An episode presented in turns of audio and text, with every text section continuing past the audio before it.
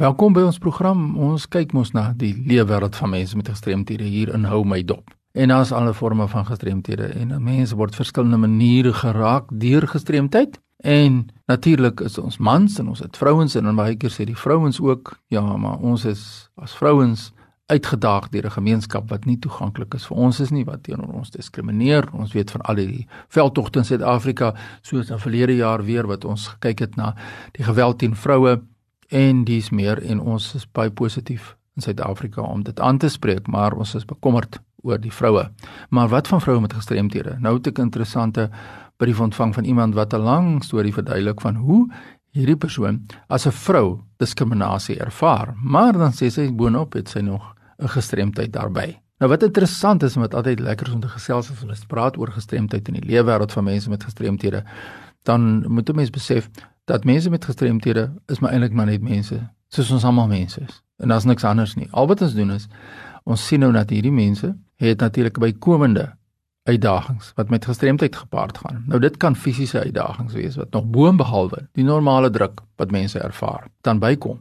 Dit kan ook emosionele druk wees. Dit kan baie ander aspekte wees wat mense met gestremthede en dan vroue in hierdie geval nog bykomend moet hanteer. So hierdie persoon skryf dat daar word regstreeks teen haar gediskrimineer as gevolg van die feit dat sy 'n vrou is en dan word daar ook nog teen haar gediskrimineer omdat sy 'n vrou met 'n gestremdheid is en sy kry nie die geleenthede nie. Maar wat wel positief is in hierdie brief, hierdie persoon sê daar word nie regstreeks teen haar gediskrimineer nie. Dis sommer so onregstreekse dingetjies, jy weet wat wat nie heeltemal sê maar ek weier om toeganklikheid te maak of aan te spreek nie, maar daar is al hierdie verskonings wat daar is. Ons kan nie dit doen nie, ons het nie geld nie. Ons kan nie dat doen nie want ons het nie geld nie. Jy weet al hierdie indirekte goed. Ons is baie positief en ons is baie lief vir die mense met gestremthede, soos wat ons baie keer noem die mense met gestremthede.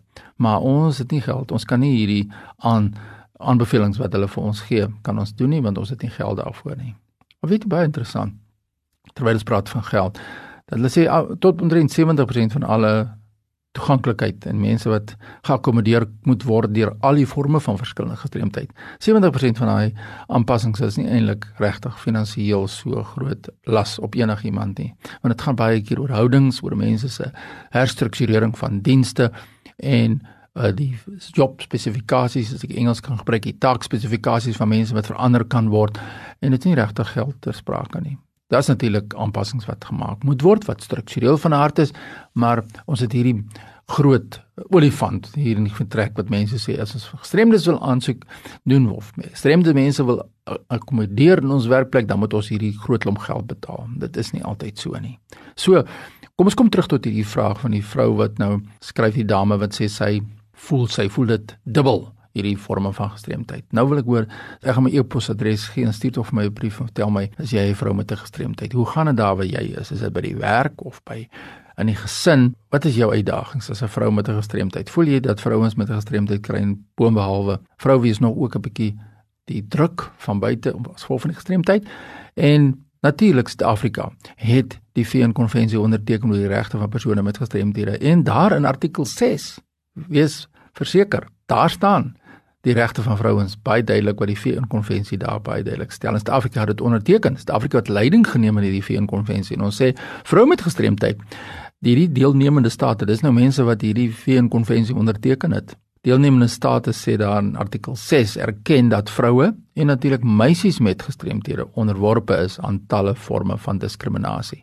So wat interessant is, dit sluit baie aan wêreldwyd by wat hierdie brief sê of die vrou die dame sê in die brief oor diskriminasie want die wêreldwyd erken hulle dat vroue en jong meisies met of meisies met gestremthede dan verskillende forme van diskriminasie ervaar en dan sê die VN konvensie die land wat hierdie VN konvensie onderteken onderneem om in hierdie verband maatreëls te tref om volle en gelyke genieting van alle menseregte en fundamentele vryhede aan vroue te verseker. Deelnemende state sal alle geskikte maatreëls tref om die volle ontwikkeling. Luister, ontwikkeling 1, bevordering 2, bemagtiging 3 van vroue te verseker. So daar's geen onduidelikheid nie as hierdie persoon ongelukkig voel Suid-Afrika het onderneem en onderneem steeds om vroue met gestremthede gelykmatige plek te gee sodat hulle in alle beoefeninge en genieting van menseregte en fundamentele vryhede kan hê soos dit in die konvensie uiteengesit word. So daar's geen verskoning as daar teenoor mense met gestremthede in hierdie geval vroue met gestremthede gediskrimineer word nie. Wat my weer terugbring maar net by die beginsel is as iemand 'n gestremdheid het, net so of dit 'n man of 'n vrou is. Kom ons kyk, wat is die vorm van gestremdheid? En ek baie keer al gesê en ek herhaal dit weer, kan dit nie genoeg beklemtoon nie. Kyk na die tipe gestremdheid. As dit neurologies van aard is, vra jouself die vraag af: wat is 'n neurologiese verlies? Watter tipe kondisies of toestande is daar wat kan lei tot 'n gestremdheid? Is dit in die geval van epilepsie? Wat is die impak en hoekom word daar teenoor mense met epilepsie gediskrimineer? Word dit regstreeks gedoen? Word dit onregstreeks gedoen? Is dit mense wat fisieke omgewings het wat nie toeganklik is vir hulle nie? of is dit mense se houdings want die wetgewing sê ook baie duidelik dis die fisieke omgewing wat ons weerhou maar ook ons houdings wat mense weerhou om op 'n gelyke grondslag te kan meeding nou kom ons vat epilepsie as 'n voorbeeld dis 'n neurologiese verlies neurologiese gestremdheid in terme van wetgewing nou neem mense nie mense met epilepsie in diens nie omdat hulle bang is hulle noem dit ja glo dit jy wil baie mense praat van mense Hulle is bang die mense kry aanvalle.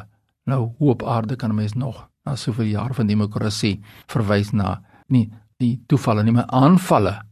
Soos of iemand jou nou gaan aanval, het epilepsie het. Nou mense neem nie mense in diens byvoorbeeld nie. Dan is dit mense houding. So die houding is baie belangrik. So ons gesels volgende week verder oor hierdie saak van die diskriminasie, maar die vraag is vroue met gestremthede, ons ondersteun vroue met gestremthede en vroue met gestremthede moet ondersteun word in terme van hul toeganklikheid en menseregte as hulle 'n vrou met 'n gestremdheid is. Stuur jou e-pos aan my by fani.tt by mweb.co.za. Ek hoor graag op watter vlakke teenoor vroue met gestremthede gediskrimineer word. Groetens tot volgende week.